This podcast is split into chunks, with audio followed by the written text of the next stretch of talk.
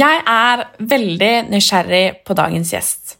Og kanskje mest av alt fordi jeg føler at jeg faktisk kjenner henne. Sannheten er jo at jeg gjør jo ikke det. Selv om jeg ofte vet hva hun f.eks. spiser til middag, hva hun har på seg, og hva barna hennes heter. For om du også følger henne på sosiale medier, så får man et inntrykk av at hun er seg selv fullt og helt. Hun deler ufiltrert og ærlig om hverdagen, familielivet, sine erfaringer og utfordringer. Og jeg vil tro at de aller fleste som følger henne, også er litt sånn som meg, nemlig at de føler at de faktisk kjenner henne.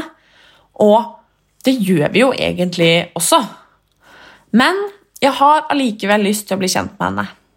Bak morsomme klipp, seriøse samtaler og en ufiltrert hverdag.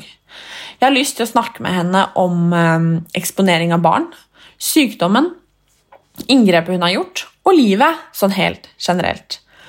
For hvem er egentlig Norges største hva kaller man det, mammainfluenser? Hvorfor begynte hun egentlig med sosiale medier?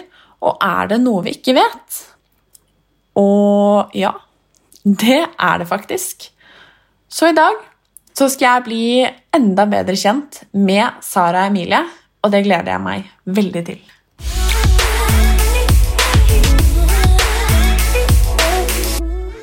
I dag har jeg besøk av en hva skal jeg si, fest av en dame. Eh, velkommen til Sier du Sara og Emilie begge, eller sier du Bruker bare faktisk bare Sara. Ja, å, Gud, så deilig. Veldig enkelt, og greit, ja. Hei og velkommen, Sara. Tusen takk. Altså, Veldig hyggelig å være her. Det er veldig hyggelig at du vil være her og prate med meg og de som hører på. Nå har det vært korona, sånn at nå har jeg jo ikke snakka med folk på kjempelenge. Så det er så deilig Ikke å komme og snakke med et annet voksent individ. Og har jo i to måneder nå snakket med to barn under fem år.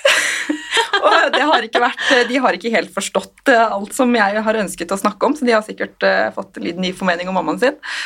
Og så sier jeg hei til mannen min en gang iblant, da. Ja, Så, men ellers så har jeg jo ikke sett folk, så det er veldig hyggelig å være ute igjen. Det er hyggelig å høre. Jeg er helt enig med deg.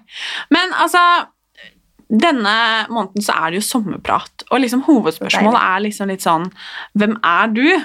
Og først og fremst så lurer jeg på, hva syns du om det spørsmålet? Jeg syns det er veldig vanskelig, fordi altså, man burde jo vite det i en alder av snart 30 år. Hvem, hvem er jeg? Og når du sa det, at det, det var tema, så tenkte jeg oi, ja, ok. Eh, da må, må man tenke litt sånn Hvem, hvem er jeg? Uh, nesten så følgerne mine vet det bedre. Jo, men det er jo et vanskelig spørsmål, det- fordi det det er er så stort. Jeg føler jo det at uh, Hadde du spurt meg som 16-åring, så hadde det sikkert vært på en måte et nytt tema hver måned. For man er jo gjennom mange faser, og nå er man jo litt mer sikker på seg selv, og man vet jo hvem man er, men det er fortsatt vanskelig å liksom, definere med ord, syns jeg, på, på hvem man er. Ja. Mhm. Men vi kan begynne med det. Altså, hva jobber du med? Hvor gammel er du? Hvor bor du? Hvordan, uh, hvordan er livet? ja, hvordan er livet? Uh, nei, altså, du, Som du sa, så heter jeg Sara. Jeg er eh, 28 år og kommer fra Hadeland, egentlig, men er bosatt i Nittedal. Uh, mannen var derifra, så flytta dit. Og så er jeg jo mamma til to, og det selvfølgelig preger jo stor del av hverdagen min, så at jeg er mor. Eh, og så er jeg Jeg vil si at jeg er veldig sosial. Uh, liker å omgås med mennesker. Er sta og står på mitt. Og så er jeg vel kanskje liker å være kreativ. Jobber jo da med sosiale medier, uh, hovedsakelig Instagram. Og der bruker jeg veldig mye av den kreativiteten og har alltid hatt kanskje et behov for å ha en stemme på å si ifra om ting som jeg ønsker, da. Og det bruker jeg jo plattformene mine til. Mhm. Jeg lurer på, hvordan har du forandra deg fra før du var mamma, til nå når du er tobarnsmor? Det har vært en veldig stor reise. Um, hvis, altså, jeg har alltid vært en sånn person som har vært veldig åpen eh, og ikke hatt så mye filter og vært veldig sånn Jeg husker når jeg, når jeg gikk på ungdomsskolen, så var det liksom det, var, det viktigste var jo å være populær. Det, det var det i hodet mitt. Men jeg så på meg selv som populær hvis jeg kunne gå rundt til absolutt alle i kantina og snakke med dem. Du skulle ikke være den populære som fordi at alle så opp, eller sånn, Du skjønner at du, du var den kule som ingen uh, turte å si hei til, for det var for kult for det. Men jeg var den som ønsket å bli kjent med absolutt alle. Så jeg har alltid vært veldig sånn åpen og syns at rettferdighet er viktig. Jeg har alltid vært den som har sagt ifra når noen har mobbet uh, og sånne ting. men rent sånn tankemessig så var jeg fortsatt veldig annerledes som yngre. Eh, nå er jeg jo veldig sånn ufiltrert og at man skal like seg selv som man er. Men i tenårene så var jeg jo veldig usikker på meg selv utseendemessig. Eh, jeg eh, skulle jo operere masse. Skulle? Ja. Oh. var, det har vært en veldig sånn reise for meg, fordi jeg som 16-åring var veldig sånn, husker jeg, var veldig bestemt på at jeg skulle ta silikon. Og det gjorde jeg jo. Uh, så du har silikon? Ja, jeg har silikon. Ah, nå så jeg rett ja. på puppene dine. Så du det? ja. Um, jeg begynte i en veldig syk tankegang, ikke fordi ja, altså, Mange som snakker om når de skal liksom operere seg, sånne ting, så snakker de om at de ble mobbet for utseendet sitt, eller at de liksom had, har så mye sånn dype grunner, og jeg hadde egentlig ikke det. Jeg, bare, jeg var veldig nysgjerrig, uh, og så var jeg nok kanskje mye påvirket av sosiale medier. Uh, og jeg um, var veldig opptatt av vekt. Jeg var veldig opptatt av at jeg skulle trene meg til den perfekte sommerkroppen. Uh, jeg tok jo silikon. Solgte bilen og kjøpte silikon. Mener du det? Ja. Men hvor gammel var du da? Da var jeg 19. Ja. Det er ganske ung. Ja, det er det. Og den dag i dag angrer jeg jo veldig. Ja, du gjør det? Ja. Jeg skal ta de ut. Jeg bare må det må spare opp litt, og så er det en prosess i forhold til barna, sånn, så de må bli litt større før jeg går inn og gjør det. Men, eh, men, ja, så jeg var veldig sånn utseendefokusert. Jeg hadde de planene. Jeg skulle eh, operere ørene mine, jeg skulle eh, operere øyelokkene mine. Jeg skulle Altså, jeg hadde, jeg hadde, store planer om ting jeg skulle gjøre. Eh, og så ble jeg gravid. Eh, midt oppi dette her så drev vi jo Og så var jo et forhold, og han var jo veldig imot disse tingene. Um, og så ble jeg gravid, og så gikk jeg jo opp 45 kilo. i første svangerskap. Uh, og gikk først veldig veldig i kjelleren, for jeg kjente jo ikke igjen meg selv, og jeg som på en måte var så opptatt av utseendet mitt, uh, syntes det var tungt da, å skulle gå gjennom det og ikke kjenne seg selv igjen i det hele tatt. Uh, så gikk jeg ned en del imellom, så ble jeg jo gravid på nytt, for jeg har jo da en datter som kom tre år etterpå. Og da så gikk jeg jo opp 20-25 kilo med henne. Uh, så jeg var var mye større enn det jeg noen gang hadde vært, men da klarte jeg å snu tankegangen min til at jeg kunne ikke gå i kjelleren. og hadde jeg to, to barn som, som, jeg skulle være et forbilde for. Jeg hadde, hadde et ansvar, da. Uh, og jeg hadde ikke lyst til at, Spesielt når jeg innså at jeg fikk en datter, at når jeg fikk vite at jeg fikk jente, så kjente jeg veldig på den at er, skal, hvordan skal jeg forklare det? Hvordan skal jeg forklare at mamma var ikke fornøyd med kroppen sin, så jeg endret på den? For hun er jo perfekt som hun er. Uh, og det endret tankegangen min veldig, og det var en stor prosess. å liksom gå inn i den der på at man er bra nok som man er, og man skal man er ikke perfekt. altså Sosiale medier bygger hele tiden opp at du skal være så innmari fin. Altså, de har en standard da, ikke sant, på hvordan man skal være, uh, og heller akseptere at nei, du er ikke den standarden, men du er likevel bra nok. da. Mm. Så nå spora vi litt av, men Nei, men det er veldig fint, da. Det er, det er jo deg jeg har lyst til å bli kjent ja, så med. Det, det, har jo blitt veldig, altså det er jo en stor del av meg nå, den prosessen jeg har hatt. Jeg er jo, det, i dag, jeg er jo den jeg er i dag fordi jeg også var på en måte offer for sosiale medier og for eh, dagens samfunn da, på den utseendefikseringen som er. Så, så, den reisen som på en måte jeg har hatt, den ønsker jeg jo da å dele og kanskje spre så andre kan føle på samme. da, eh, Og klare å snu om. Men er det den Det høres kanskje dumt ut, men den eneste operasjonen du har gjort? Uh, ja, jeg fylte leppene mine òg. Uh, eh, og det har jeg jo da ikke gjort siden 2017. Ja. Uh, så det, det var jo bare sånn filler som går ut, som sitter litt igjen enda. men ikke noe annet enn det. Kun silikon, og den skal jeg jo ta ut. Kan jeg spørre hvorfor du velger å ta den ut? Mest pga. at jeg, jeg, kjenner på at jeg har et sånn legeme i kroppen som ikke er mitt. Uh, at jeg syns det er ubehagelig på en måte at jeg har puttet inn noe som ikke skal være der naturlig.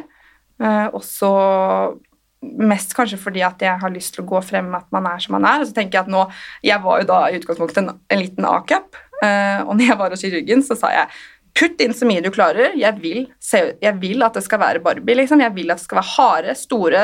Gjør alt du kan liksom, for å ta inn mest. Det er jo helt sykt å tenke på den dagen i dag. Men uh, ja, jeg, for Han sa ja, hvis du skal ha så mye, så blir det veldig silikon. Så jeg supert. det var liksom svaret mitt da.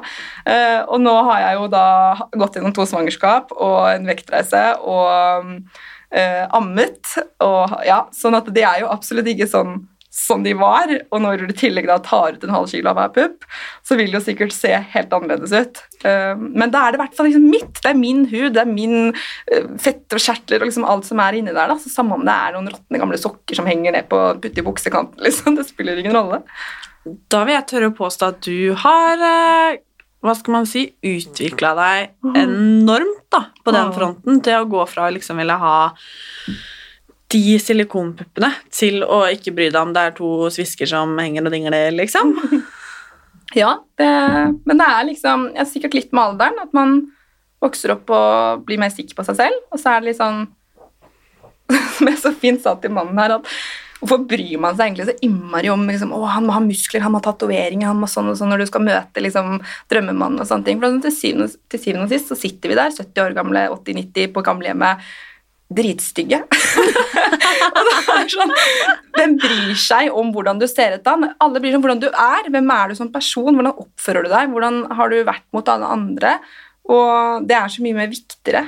Og det å liksom la utseende eller sviskepupper da, stoppe hverdagen det er jo, Man må jo bare være stolt. De har jo blitt sviskepupper fordi jeg har ammet to barn eller jeg har hatt gått gravid, og de har produsert melk. altså Det er jo magisk. Man må heller fokusere på det, tenker jeg da. Mm.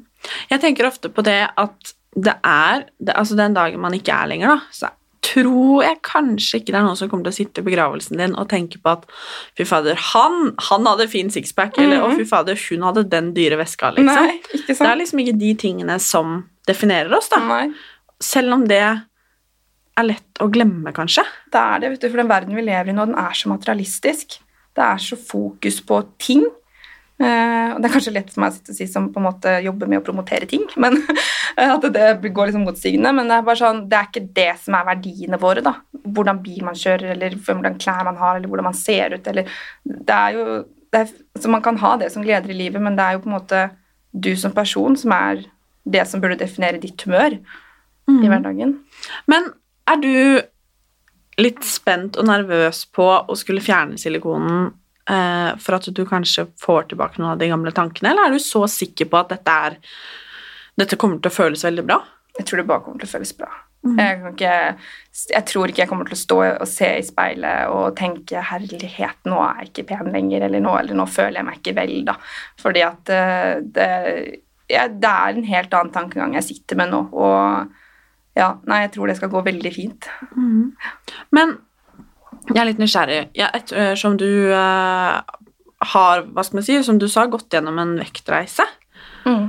følte du deg mer eller mindre verdt på noe punkt? Uh, når jeg først gikk opp, det var det jeg på en måte erfarte med etter jeg var gravid første gang, så kjente jeg jo veldig på det at Altså, jeg følte meg bare ikke bra. da. Jeg kjente igjen meg selv. Og det var nødvendigvis ikke vektoppgangen i seg selv, men det var det at ingen av klærne som jeg på en måte Så du, du ut... Eller du Hva heter det? Du snakker jo gjennom klærne dine, da, at du på en måte kler deg jo, og det kan definere liksom hvem du er og din personlighet. og Jeg fikk ikke på meg noe klær, jeg fikk ikke handla liksom, det jeg ønsket, og jeg følte meg veldig sånn utafor meg selv. Og så hadde jeg tidligere en liten baby som hadde kolik, eh, så det var veldig tøff start på mammalivet. da. Eh, jeg var ikke ute av døra. Jeg tror jeg var åtte måneder eller noe sånt, tror jeg han var når jeg var på butikken liksom, første gang sånn ordentlig alene og kunne puste uten at det var helt krise hjemme. Uh, for han, han, hadde mye vondt og måtte ha meg der hele tiden, kombinert med at jeg følte ikke for å gå ut døra.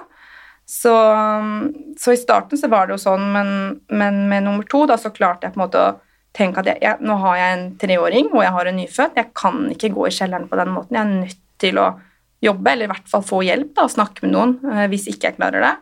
Men å jobbe med, med, hvordan jeg på en måte går frem og tenker. Og så tror jeg nok at sosiale medier hjalp meg litt, fordi jeg husker når jeg akkurat hadde født Emma, så la jeg ut liksom en story der eh, hun, hun var ute av magen, da, så sto jeg liksom og rista på magen og bare Nå er du bare blubbete, og det er jo ingenting der. Og det er veldig rart, fordi mange kvinner liker kroppen sin når de går gravide, kanskje, fordi da har de liksom den store, fine magen, det er en baby, ikke sant. De er, føler seg veldig sånn kvinnelige, da. Eh, og så føder de, og så forsvinner jo ikke den magen, kanskje, og, og det er veldig løshud. Du, plutselig ser du strekkmerkene du egentlig ikke har fått klart å se. Da. Um, og den der overgangen der er vond for mange, da. Eh, og da var det godt å liksom kunne gå ut på sosiale medier og vise den siden, og så få den responsen jeg fikk. Så det har jo hjulpet, det også. Tror du at det er et litt sånn tabu, om man kan kalle det det, det der å eh, At kroppen forandrer seg når man er gravid? Fordi jeg føler jo Jeg som ikke har barn, eller eh, ja, har vært gjennom det, da. Jeg føler jo at det er en litt sånn forventning til at man skal gå tilbake til den kroppen man hadde før, og kanskje vel så det av og til også. Eh, hva tenker du om det? Jeg tenker, altså Nå føler jeg at trenden er på vei til å endre seg litt. Det er flere som hopper på, og det er flere som viser alle sider. Og så er det så viktig at det er ikke noe rett eller galt. De som smetter tilbake, de må også få lov til å på en måte, Det også er normalt. Og poenget er på en måte ikke at man skal si at eh, ja, er, altså, sånn ser en mamma ut etter fødsel. Poenget er vel egentlig bare at alle er forskjellige, alle kropper er ulike, alle, alle håndterer det forskjellig, eh, og at det er greit. da. Så jeg føler at trenden begynner å snu, men eh, det er jo fortsatt lang vei å gå, for det har på en måte i mange, mange år, ikke bare med svangerskap, men sånn generelt utseende, så har det vært de som har ropt høyest, og de som har vist seg mest, har jo vært de som har vært korrekte, ifølge på en måte normen, da, eh, på hva som er forventet. Så det er jo fint med litt mer mangfold. Mangfold er fint, det heier vi på. Ja, det gjør vi. Men uh, har du lyst på flere barn? Ja. Men det er ekstremt omdiskutert i heimen. Ja, for han vil ikke ha. Han vil ikke ha. Han er veldig ferdig. Han vil ta strengen. Eh, Jeg er ikke ferdig. Jeg kunne tenkt meg tre til. Såpass, ja. Men akkurat nå da, så, så har vi pauset diskusjonen. Eh, så får vi heller ta det opp om noen år. Vi er fortsatt unge. Og så skal vi gifte oss neste år, så vi får se etter Så det. da. gøy. Ja, veldig koselig. Wow. Hva, hvordan skal bryllupet være? Eh, Det har vi jo Jeg vet ikke om jeg tør å svare på det engang. For først så skulle vi drite i alt og dra til Maldivene og bare liksom ha det. Vi gifter oss alene, ungene kan være hos besteforeldre. Nå skal det handle om oss, og vi skal bare ha det kjempefint. Eh, Vi skal ikke gifte oss for alle andre. Men så kom jo han fireåringen til meg og bare 'Mamma, når du og pappa skal gifte dere, så skal jeg.' Og jeg bare eh, Da kunne ikke jeg liksom Nei, du skal ikke være med, du, gutten min. Så ja, han så på Pocahontas, og der gifter de seg. Så da blei det til at det vi måtte gifte oss. Så vi skal gifte oss neste år på um, en sånn der gård, veldig sånn koselig sted. Så det blir hyggelig. Så hyggelig. Ja. Men eh, kjole og sånn, da? Har du Jeg, jeg, har, ikke, jeg har ikke begynt ennå, egentlig. Det er, nå begynner det å bli et år til, altså. jeg burde jo begynne å tenke nå, men jeg stresser ikke så mye med det. Eh, tar det litt som det kommer. Ja. Ja. Det passer deg bra, det. ja. Altfor mye annet som skjer nå. Altså, ja. Men eh, hvorfor begynte du med sosiale medier? Jeg bare tenker sånn med tanke på at du eh, sa jo det at kanskje sosiale medier var litt grunnen til at du på en måte vurderte alt det du gjorde med kroppen din og alt mulig. Mm. Hva var det som gjorde at du liksom Ja, det var jo derfor. Fordi at jeg, jeg bare satt og på en måte var nybakt mamma og scrollet og så. Fitness og liksom alt det der. Og igjen, det er ikke feil å legge ut sånne ting, men jeg bare kjente veldig på at jeg vet at det er så mange som sitter og føler det jeg gjør nå, og jeg hadde lyst til å dele min historie da, på å få, få hjelpe andre til å føle seg bedre med seg selv, eh, og vise at man kan snu det om, da, eh, og vise bare de tabulagte temaene som ikke bare mamma, men som kvinne.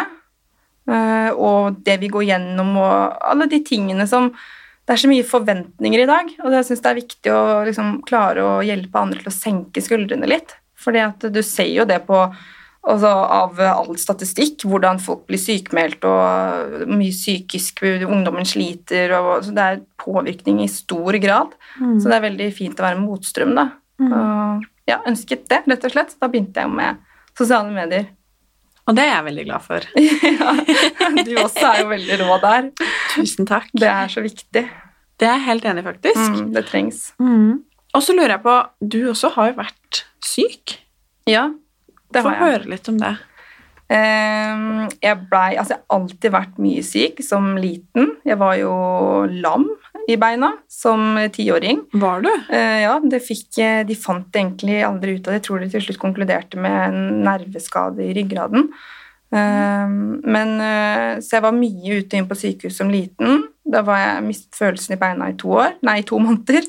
Eh, og så måtte jeg bruke ganske lang tid på å bygge det opp igjen. da, Gå til fys og sånn. Og så har jeg bare vært Immunforsvaret mitt har vært lik null eh, alltid, så jeg har vært veldig mye syk. Og så på ungdomsskolen så var jeg sånn veldig sånn flink pike, da. Jeg skulle jo være, jeg var med i elevrådet, ikke sant. Jeg skulle være sånn der topp på alt, skulle toppkarakterer i alt. Skulle bare, Det var ikke snakk om å få noe lavere enn en femmer. Eh, og så bare sa det smell, altså pang, da. Eh, og blei, jeg blei veldig dårlig. Og så ble jeg diagnosert med ME, som er en utmattelsessykdom. Hvor gammel var du da? Da var jeg 15 da jeg fikk diagnosen. Ja.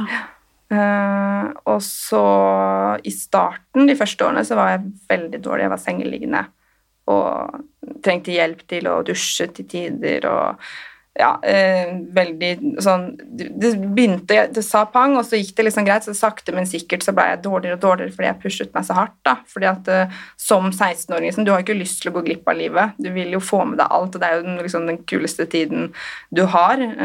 Så så jeg var dårlig veldig lenge, og så når jeg blei vel rundt 18, så um, hoppet jeg ut av skolen, for jeg hadde 90% fravær. Så det var liksom Det var ikke noe vits. Og først da begynte det å bli bedre igjen. Fordi at da klarte jeg også å kjenne grensene mine, jeg pushet ikke meg selv, eh, sånne ting. da, Og den dag i dag så er jeg jo veldig mye bedre. Men er du frisk? Nei, jeg er ikke frisk, men jeg er bedre enn det jeg noen gang har vært. Eh, og en ME-diagnose ligger, ligger jo bak meg, men eh, jeg jobber jo 100 og jeg, tror de fleste vil si at jeg har mer energi enn de, de friske, eh, om dagen. Og, men det, det blir bare en sånn derre Fordi for første gang på så mange år så kjenner jeg at jeg klarer, og det har jeg ikke gjort før. Altså jeg har ikke jeg har, har jeg liksom skulle dratt eh, på en tur til Oslo eller gjort noe sånt, så har jeg liksom blitt kjempedårlig etterpå. Og nå så er det sånn, jeg, jeg får en reaksjon, men det varer kanskje en halv dag. Og da er det jo i mine øyne veldig verdt det, når jeg får en så mild straff. da. For det er jo det som skjer er med ME-pasienter, så når du drar på og gjør ting eller pusher grensene dine, så overproduserer du ofte adrenalin. eh, Så du blir kjempesliten etterpå. Sånn hvis du hadde hoppet i fallskjerm, da, så er du helt ødelagt etterpå. Du er kake, for du har produsert masse adrenalin. Og det er litt sånn samme med kroppen min. eh, Og så får jeg jo Immunforsvaret mitt er på bånn, og det er det jo enda hvis ungene blir syke. Så får jeg det veldig fort, og så har jeg det tre ganger så lenge som alle andre. da. Eh, Fordi kroppen bruker veldig lang tid på å liksom bryte ned. For immunforsvaret er opptatt med å angripe seg selv, så det angriper ikke andre ting som skjer. da. Men, eh, men jeg er veldig mye bedre nå enn det jeg har vært på lenge. Og så vet jeg jo også at det kan være et tilbakefall som kan skje i fremtiden. Så nå bare nyter jeg hver dag. Og så tenker jeg liksom ikke for mye på det. Så tenker jeg at det er kjempefint. Noen autoimmune sykdommer kan brenne ut, og hvis det skjer med meg, så er jeg jo veldig glad. Men at jeg har det i bakhodet, da. Og så er det veldig mye jeg ikke viser av sykdommen på sosiale medier. Fordi at de gangene jeg må gå opp og slappe av en halvtime, eller sånne ting, jeg bare føler ikke for å ha så mye fokus på det. Men det skjer, holdt jeg på å si. Ja da, det skjer enda. Det er bare at det liksom det har stått liksom ME-syke i panna mi så lenge at jeg kjenner litt på den at Jeg ser at det er veldig etterspørsel, veldig mange som spør hele tiden, så jeg tar det opp jevnlig fordi mange ønsker det. Men, øh, men sånn generelt så ønsker jeg på en måte at det er en sånn tid i livet mitt jeg nå vil pause, fordi det føles litt som at det er pauset, og at jeg heller da kan fokusere på de tingene jeg klarer nå, da. Har du eh, opplevd noen fordommer av sykdommen? Masse. Ja, masse. Det er en vanskelig sykdom å forstå. Eh, når jeg fikk diagnosen, så var det jo veldig på en måte nytt. Da. Det var ikke så omtalt som det det er nå. Når jeg, jeg husker når jeg fikk det, så var det liksom ingen som visste hva det var. Nå er det alltid sånn, kjenner noen som har det, eller tanta til broren til. Liksom. Det er alltid noen som vet om noen andre som har det. Så jeg tror nok det er lettere med den diagnosen nå enn det det var før. Men eh, det var veldig tøft på ungdomsskolen. Så var det Jeg var jo skulka, ikke sant. Jeg gjorde jo eh, Ja, jeg bare faka at jeg var syk, da, mente jo de fleste, eller mange. Og så, For det blir litt sånn når du er 16 år, du har nesten ingen energi, hvis du først har litt energi da, selvfølgelig som mor, da, min mor, tar jo da og sier vet du hva, vi drar på kino i dag, vi gjør noe hyggelig. Hun sier jo ikke nå må du dra og ta den to timers matten, når du endelig orker å stelle deg opp av senga. Og da blei det veldig mye sånn å ja, du orker å dra på kino, men du orker ikke å dra på skolen. ikke sant, At det blei mye fordommer da. Men da var man jo ung, og så ja, visste man kanskje ikke helt omfatt, hvor omfattende det var. Eh, I dag så er det nok veldig mye mer forståelse for det, fordi at det er mye mer åpent rundt det da, på det å være kronisk syk. Men eh, jeg får jo høre veldig mye enda. Men da tenker jeg jo bare at de menneskene er ikke oppdatert, på en måte da. De har ikke nok informasjon til å kunne kunne forstå at det rett og slett bare er uviten. Mm. For jeg kan tenke meg altså sånn, Man får jo mye tilbakemeldinger når man jobber med sosiale medier. Mm. Og jeg kan bare se for meg den der at det er jo flere fordommer knytta til det å f.eks. være influenser. Mm. Det, det, der er det mye meninger. det er det.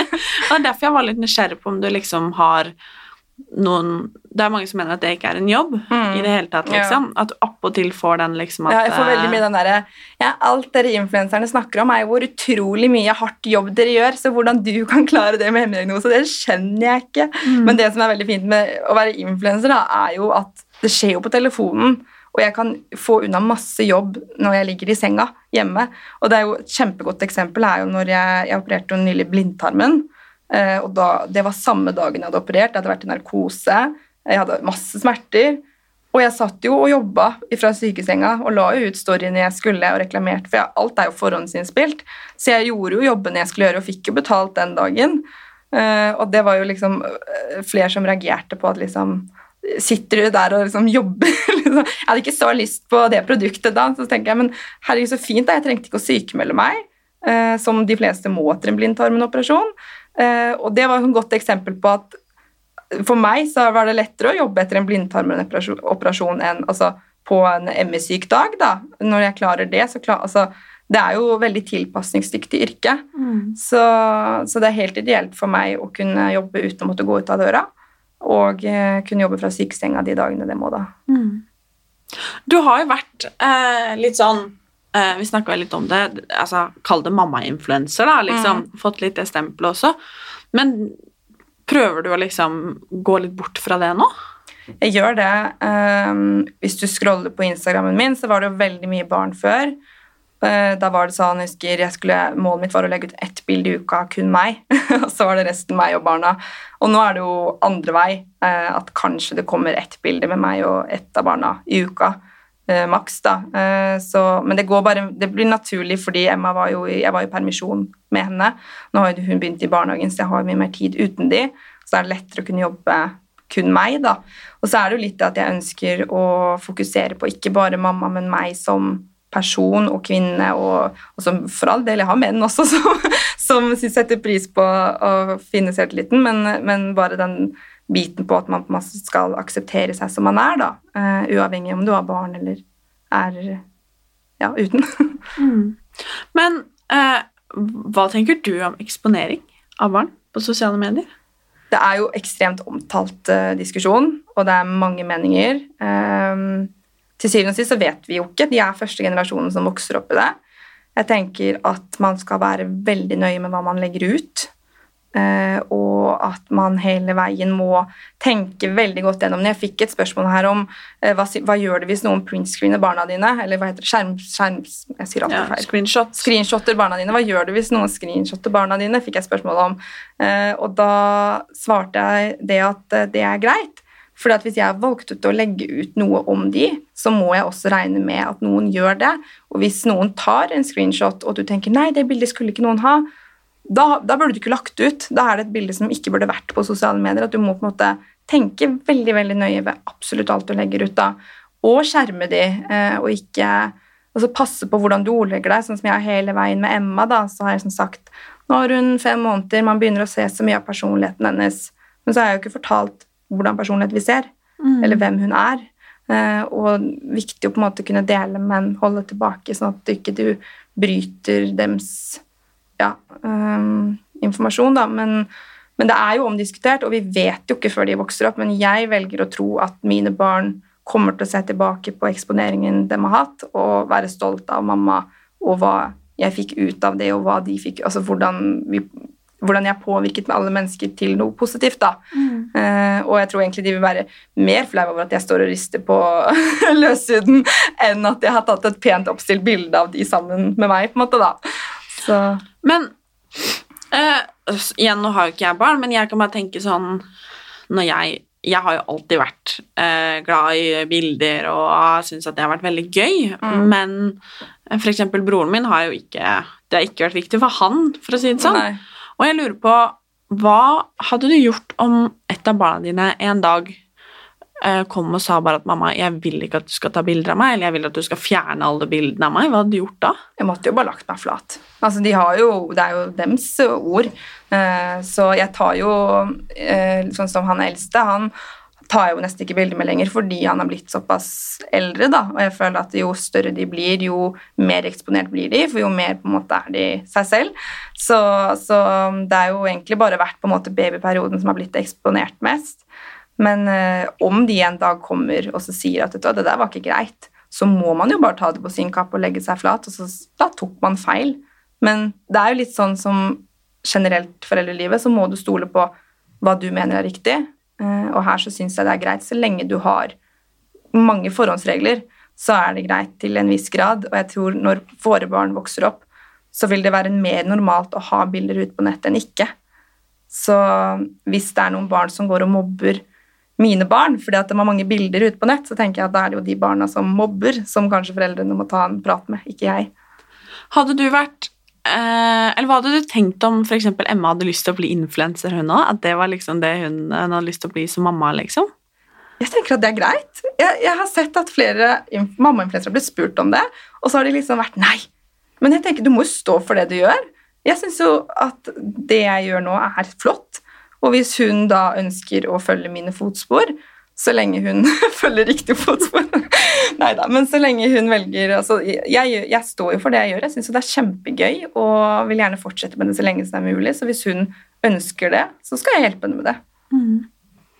Ja, det, jeg tror det kanskje er første gang jeg har hørt. Ja, for dette, Hvorfor jobber du med det du gjør, da? Hvis du mener at barna dine ikke kan gjøre det du gjør, da, er du, da, er du, da mener jo ikke du selv at du er et godt forbilde for barna dine. da. Det er sant. Det er jeg faktisk veldig enig i. Men hva tenker du da om Nå spør jeg veldig generelt, Ja. altså, eh, rett og slett fordi jeg lurer og er veldig nysgjerrig på det. Hva tenker du om f.eks. de som bruker eh, barna sine i markedsføring og til å tjene penger, da? For det er klart, det er jo noe man ser ganske ofte på Mm. sosiale medier. Det er eh, en linje Altså, jeg syns det er en sånn Hva skal jeg si eh, En balanse man skal ha der også. Jeg har jo gjort det selv, og jeg har jo opprettet konto til begge barna mine som jeg har satt av penger, eh, fordi at de har jo vært med. Eh, og det er jo mindre og mindre av nå fordi de har blitt eldre, og fordi jeg ønsker ikke å ha det fokuset. Og det er mye jeg delte før som jeg ikke hadde delt nå, så man utvikler seg jo stadig, og, og ja, ting skjer. Men jeg tenker det at når hvis mine barn som 18-åring eh, så sier jeg, her, her har dere BSU-konto på 200 000 hver, så tror jeg ikke de kommer til å si jeg kunne ønske at jeg ikke var med på den bleiereklamen eller et eller annet. Så jeg tror de sier takk, mamma. Så Nei da, bestikke de med penger. men, men jeg syns man man skal ha balanse på det. Og det er jo Jeg har jo på mange måter bygd opp kanalen min i utgangspunktet ved å hatt med Emma, men det var for meg hele veien et ønske om å snakke om svangerskap og mammalivet, og da ble det så naturlig at hun ble med en del av det når jeg var i permisjon med henne. Men nå som hun begynner i barnehage, så syns jeg det er veldig naturlig å på en måte ta det bort, da. Så bilder blir jo jeg vet det, De ligger jo på nett alltid, men de ble jo, blir jo arkivert. sånn at Går du på min Instagram, så er det nesten ingenting som ligger nedover der lenger. Nei. Men er det noe du angrer på at du har publisert eller gjort noen gang? Eh, nei. Jeg har vært veldig nøye sånn med hva jeg skal jeg For eksempel tannbleking for mye penger jeg kunne tjent hvis jeg hadde takket ja til det. Hvor mye, mye jeg har tapt på å velge med omhu, men det syns jeg er veldig viktig. Hva du velger å fremme. Eh, og når det kommer til barna, så så syns jeg kanskje på Snap eh, så har det vært eh, litt mer løst, og det har jeg tighta veldig, så der kunne jeg kanskje ønske at jeg hadde eksponert enda mindre. Eh, men eh, så som sagt, det har vært en reise, og man lærer. Og, og til syvende og sist så tror jeg nok at de vil sitte med et godt inntrykk av det. Mm. Men apropos det med å annonsere for ting, Mhm. for man får jo ofte forespørsler om både det ene og det andre. Mm. Og jeg personlig kan av og til synes det er litt vanskelig å holde tunga rett i munnen. Det er litt sånn, ok, hvor går grensa? Og man, eller jeg er veldig opptatt av at du på en måte skal eh, for det første være produkter liksom jeg stiller meg bak, som jeg har Mm. testa, og som jeg liker. Og, men jeg kan fortsatt synes det av og til er en litt sånn gråsone på enkelte produkter. Mm. Hvor går grensa på hva du vil gå god for? Altså det, det er som du sier, det er vanskelig. Hvor er det grensa går? Og så tror jeg det kommer veldig an på produktet. Det kommer veldig an på hva slags andre produkter det, det firmaet som spør, har. Altså det, det er mye som spiller inn, men jeg, jeg tar det jo selvfølgelig og vurderer det individuelt, men jeg har i hvert fall på en måte satt en sånn grense på, på som for eksempel, Jeg bruker jo vipper, extension vipper, og jeg kunne helt sikkert fått det sponset og fått betalt for å vise det, men der har jeg tenkt at jeg er ikke imot det å bruke extension, jeg bruker det jo, men jeg er imot eh, liksom, det, å, altså, det å fremme det da, i mine kanaler. Jeg syns det er helt greit om en annen gjør det. Eh, folk må gjøre som de vil, men jeg personlig tenker at jeg vil ikke ha det fokuset så mye da, på, på at på måte, legge press på, for det koster en del penger. eh, På at eh, barn eller ungdom skal bruke så mye penger hver måned på extensions-vipper. ja, så, så jeg prøver å begrense de utseendefokuserte eh, produktene så mye som går, da. Eh, Så blir det jo naturlig at noe vises er, jeg bruker det jo. Men jeg generelt liker veldig godt å få samarbeidspartner ved at jeg spør selv. Det også er liksom litt sånn tabu at du skal, du skal bli spurt. Managementet skal fikse det. at det er litt sånn. Men jeg syns det er kjempefint å kjøpe et produkt fordi jeg oppriktig har lyst til å teste det. Og så teste en god periode. Og hvis jeg liker det, så sender jeg gjerne en mail og bare du, jeg har prøvd denne her et par måneder nå og tror virkelig at det er noe jeg kan fremme. Jeg kunne det vært mulighet med samarbeid. Og så heller gjør det den vei, da. Da blir det jo mer troverdig. Mm. Men jeg lurer, fordi du eh, er jo hva, heter det, forlova Ja, med Robin. ja stemmer. Hvordan møttes dere? Nei, jeg orker ikke det her. Jo, Skal vi ta det. hva heter det, helt ærlig? Sykt ærlig. Eh, Yes, her er det sykt. ærlig. Legg det på bordet. Det er veldig nysgjerrig på. Denne historien har jeg aldri fortalt før. Å, yes! Oh, så glad jeg Nå spurte. skal, vi, nå skal du få den. Oh, yes! Ehm, nå kommer folk til å få litt annet inntrykk av meg, men uh, Jeg har ikke alltid vært mamma, vet du. og eh, jeg hadde akkurat kommet ut av et forhold og var litt sånn Nå skal jeg være singel. Nå skal jeg ikke finne meg noe type. Hvor gammel var du da? Uh, da var jeg jo da 18. Mm. eh, 18-19 år. Og så var det jo sånn Jeg sov halve dagen. Ehm, fordi, også fordi at jeg ikke var helt i form, da. Men, uh, men så holdt jeg liksom en halv dag av gangen, så ettermiddagene var liksom good to go, da. Uh, mens alle var på jobb og skole, så samlet jeg meg opp, og så klarte jeg ettermiddagene. Og så ble jeg singel, og så hadde jeg en venninne som eh, hadde en venninne som sa vet du hva, jeg har en fyr du må teste, han er sykt bra i senga. Jeg, jeg la merke til en fyr du må teste. Ja. Han er flink, han, må du, han kan du få teste. Og da, Hun hadde jo vært på han, men det var ikke noe stress. Vi kunne dele, liksom. Så, så da hadde vi en fest da, der vi begge to var. Eh, Og vi hadde allerede, jeg hadde møtt han en annen gang på sånn jentekveld. Var han, hadde han klart å lure seg med på. Eh, Så jeg hadde veldig god tone med han fra før, da. men eh, da hadde jeg gått inn for at jeg skulle teste han. Så da, da endte det jo slik. Og så fikk vi, vi, vi klikka veldig godt. Så dagen etterpå så hang han egentlig bare hos meg, bodde for meg selv i leiligheten. Og så ble vi Så han ble med deg hjem. Ja, det festen var i leiligheten min, min, ja, okay, så han bare ja. blei igjen. Okay. Um, og så bestemte vi oss eh, egentlig Eller vi bestemte oss egentlig, han, han reiste, men han glemte igjen noe greier. Så han måtte komme tilbake neste dag for å hente det. Du kan Han tro det var planlagt, ja. Og ikke bare det, men han glemte noe igjen dagen etter. Ja, det er rart med Ja, det der. veldig, veldig Ja. merkelig. Så dag tre da, så var han tilbake og henta det, og så uh, bestemte vi oss egentlig for at vi skulle være fuck friends. Uh, vi skulle ikke ha noen følelser. Vi skulle ikke falle for hverandre, vi skulle bare kose oss.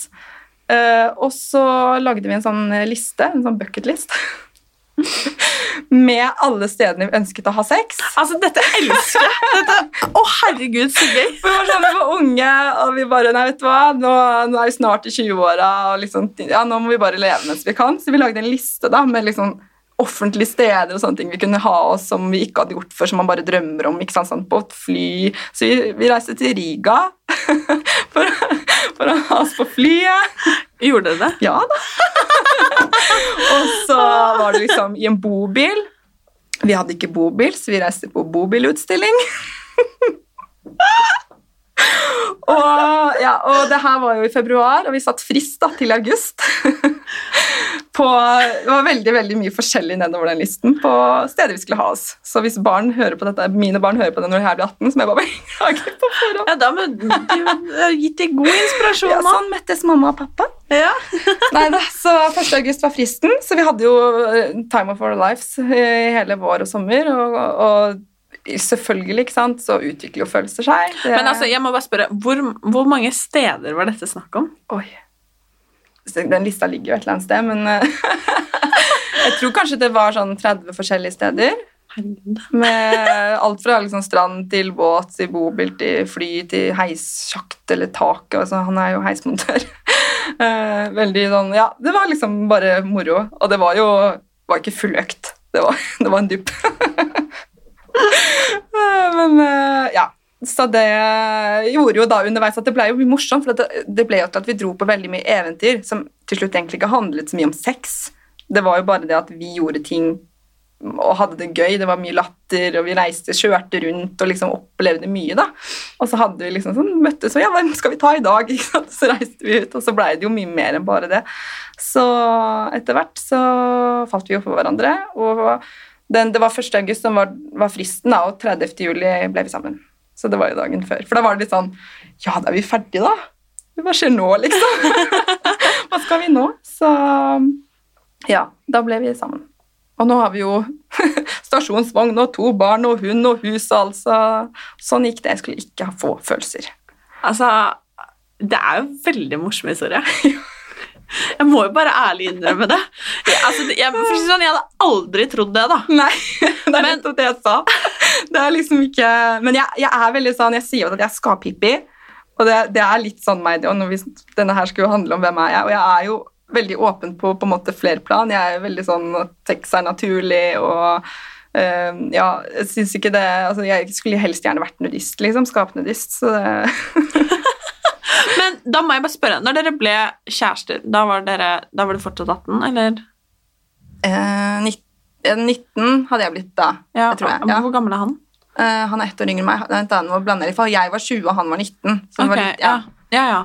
Men eh, avtok liksom dette her etter dere ble sammen, eller har du liksom fortsatt? Altså, Nå har vi jo to barn, så nå er det jo andre Nå bare lever vi på sånn glorie. Sånn der, å, før i tiden, vet du, da var vi skikkelig sånn og sånn. Uh, nå er det jo litt andre ja, prioriteringer, men uh, det er jo viktig å holde romantikken gående nå. Så, men det, det ligger sikkert litt bak. Det er litt sånn putta i en skuff akkurat nå med småbarnsliv, og vi sover jo ikke sammen engang nå. Ikke? Nei. Hvorfor? Rett og slett bare fordi at Emma våkner 100 ganger om natta. eh, Og vi har fått veldig mye eh, reaksjoner på det. fordi at eh, det er jo på en måte nok en gang så sier jo samfunnet at man skal sove sammen. Det er noe normale og sånne ting. Men, men med barn som våkner så mye, og han skal stå opp klokken seks og dra på jobb, og hun våkner av vekkerklokka hans og Når du er småbarnsforeldre, så har du så manko på søvn at du tar bare det du får. Da fant vi ut at det er best at han sover på gjesterommet nede og ikke forstyrrer noen han skal på jobb. Og så kan jeg ta barna sånn opp, og det er jeg som leverer de til barnehagen og sånn. Så, så jeg har liksom ansvaret på natta, og spesielt når man Nå ammer jeg jo ikke lenger, men det begynte jo egentlig da, fordi det er sånn Når du har født, da, og så skal jeg amme, og så våkner den babyen hele tiden, og i starten så Pappaen er jo helt udugelig. Altså, han får ikke gjort noe sånn på natta, og, og Robin er veldig sånn Han ville så gjerne hjelpe, da. Så han bare, han bare satt, satt liksom i senga, da, så bare satt han der med håret til alle kanter og blunka og bare «Åh, 'Trenger du hjelp med noe?' Ikke sant? Ikke sant? Men han ble bare sånn 'Jeg skal være våken, du er våken, så jeg skal være våken med deg.' Og det er jo helt bortkasta. Ja, det er veldig hyggelig, men det er liksom sånn derre Sov, så kan heller du avlaste meg på dagen når jeg trenger å slappe av fordi jeg ikke har sovet. da. Så nå er jo på en måte den forbi. Emma sover jo på eget rom, så nå sover fire i familien på fire forskjellige rom.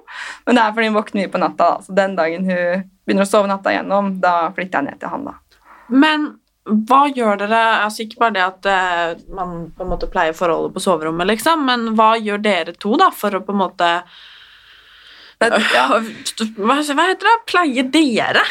Vi, er nok sånn, vi er nok litt dårlige på det, Eh, men jeg tror vi bare begge to på en måte er innforstått med at nå er det en sånn periode med småbarnslivet, og så får vi heller ta oss eh, etter hvert, da. Eh, at nå er liksom ikke vi koser oss på kvelden, barna legger oss, og så legger seg, og så er det hyggeligere for Barna oss. legger oss. Barna legger oss. Omtrent sånn der. Eh, Nei da, men så er det hyggelig for, for meg, da. Så er det, også, da er det hyggelig å sitte i sofaen og skravle om dagen, se på en serie sammen, bare slappe av, enn å på en måte måtte ligge oppå hverandre. da. Man får så mye sånn nærhet fra barna, så det er liksom godt å men det betyr jo ikke at jeg ikke elsker mannen. Det er liksom så mange som tenker at man må pleie, for man må ha liksom den og den. Men vi vi har helt ærlig ikke sånn veldig behov for det. Og så er det jo ikke sånn at man må legge seg sammen for å ha seg. Det er jo bare, Vi bare går på gjesterommet og har oss, og så natta, og så går jeg opp, liksom. Det er som å være på en kollektiv igjen. Jo, jo, men jeg tenker Altså, det der er jo så invid... Jeg klarer ikke å si det engang. Individuelt, Ja, ja. tusen hjertelig takk. Og det er For noen funker det jo det å liksom sette av liksom, Ok, denne helgen skal det være oss. Mm. for noen, aka meg, eh, så funker jo bedre den der hverdagsromantikken. Mm. Og jeg tenker jo at det er helt Altså, det viktigste er jo at man på en måte klarer å finne noe som funker for seg, da. Ja. Ja, da, og det er, som, det er som du sier, da, det er den hverdagsromantikken. ikke sant? Eh, Det å huske på å kysse og gi hverandre en kos og leie litt hender og ta liksom den der Så er det jo selvfølgelig kjempekoselig de gangene man får eh, barnefri og kan være oss, da. Men eh, det, det, kommer, det kommer mer. Det er det vi liksom vet. Så lenge jeg vet at det er jo han jeg har lyst til å ha pensjonisttilværelsen med, på en måte, så får vi bare ha det sånn vi har det akkurat nå. Har du tro på liksom det å gifte seg og være sammen for alltid? Jeg hadde jo ikke ville gifte meg hvis jeg ikke hadde tro på det, holdt jeg på å si, men altså, gift, selve gifte seg er på en måte bare et papir. Det er eh, Jeg ser ikke så mye på det liksom sånn i forhold til kirken og sånn. Det er mer sånn at vi skal feire vår kjærlighet, vi har fått to barn, vi skal bare ha det Jeg kunne godt droppa kirka og bare hatt festen, egentlig, for det er jo det det, det går på. Men, eh, men jeg tror jo på at man, man eh, har en kjælevenn, men jeg tror også på at man har flere. at man har ikke bare én, liksom. Hvis det, ja. Veldig interessant. Herregud. Nå, jeg ser i hvert fall på deg med litt sånn enda litt sånn gøyere nå. Jeg kan, kan danse på bordet hvis Ja, jeg vil. det er veldig gøy. Men før vi runder av, så skal jeg stille deg et par sånne sommerspørsmål som jeg lurer på. Nå er det Og, sommer. ja, åh, deilig. Endelig. Det, og ja, det kan man si. Og, og det første er eh, Hva er ditt beste sommerminne? Det er eh, faktisk kanskje når Liam måte ble stor nok til at vi kunne gjøre ting med han på sommeren. Eh, du får liksom lov til å være barn igjen, du får lov til å plaske i bassenget. og du, du, Når du blir foreldre, så er du liksom nødt til å gå ut døra mye mer, fordi du har ansvar for en sånn liten eh, dings som du må lære opp. Og da, da tar du deg selv og liksom drar på steder og stranda, og at du liksom drar på bondegårder og turer og gjør veldig mye mer sånn var, jeg, jeg i hvert fall da, var dårlig på det før barn.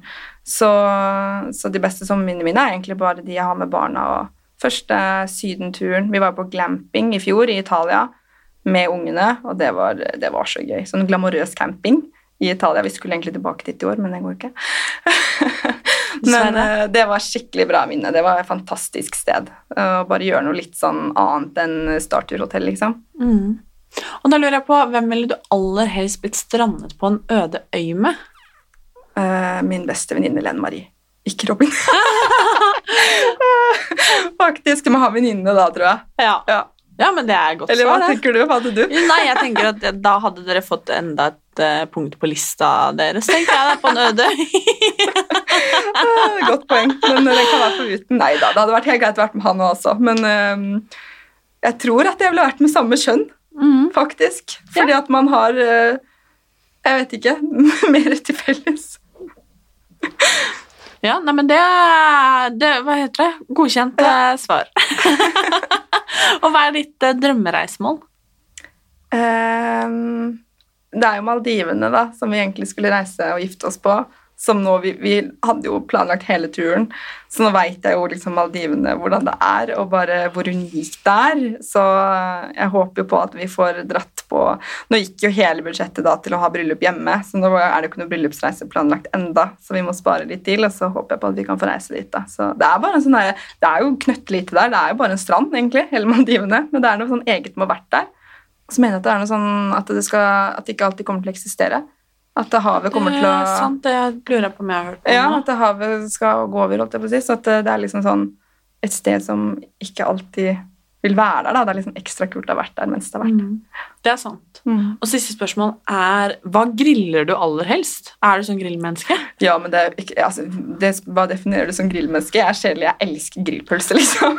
Men det må ikke være vanlig grillpølse, da. Det må være sånn uh, chilioste, sånn her Rema 1000-pølser eller et eller annet sånn herre eh, grillpølse, liksom, med noe inni, og så må det være masse guacamole og pølsebrød. Digg. Ja. digg, digg, digg. Det blir det mye av i sommer. Ja, det blir det helt sikkert. Nå Herregud, måtte jeg investere i en sånn Weber-grill, ifølge mannen, så nå må det bare bli grill hele tiden. Ja, men det blir jo mye hjemmetid i sommer, så det Ja. er bare å grille, da. Grille ja på. da, man får gjøre det beste ut av det. Ja. Nå får man virkelig teste det, altså liksom trives i eget hjem, da. Man Ja. begynner å tenke over det. Det er derfor alle puster opp, vet du. Det er nettopp det. Ja. Men jeg tror det kan være litt fint, jeg. Ja. Herregud, vi er jo ganske heldige, da. Ja, Som nord nordmenn er jo veldig sånn ivrig etter å reise, reise, reise, sånn at jeg tror det kan være hyggelig og så skape gode minner i eget hjem. Det er sånn, Når du spurte meg nå hva er dine beste sommerminner, liksom, så sier man jo som regel en ferie. Det er jo hyggelig å kunne skape det hjemme. Mm. Enig. Mm. Tusen takk for at jeg fikk lov til å bli litt bedre kjent med deg, og for at du delte litt uh, som du ikke har delt før. Det var veldig gøy. Yes, Og uh, med det så kan vi bare si uh, god sommer, da, kanskje. God sommer. God sommer. Kose dere i norsk sommer. sommer norsk sommervær. Ja, det, vi får håpe at det Det blir litt sånn litt Italia her hjemme, da. Lite grann, i hvert fall. Det hadde vært hyggelig. Tusen takk! Takk.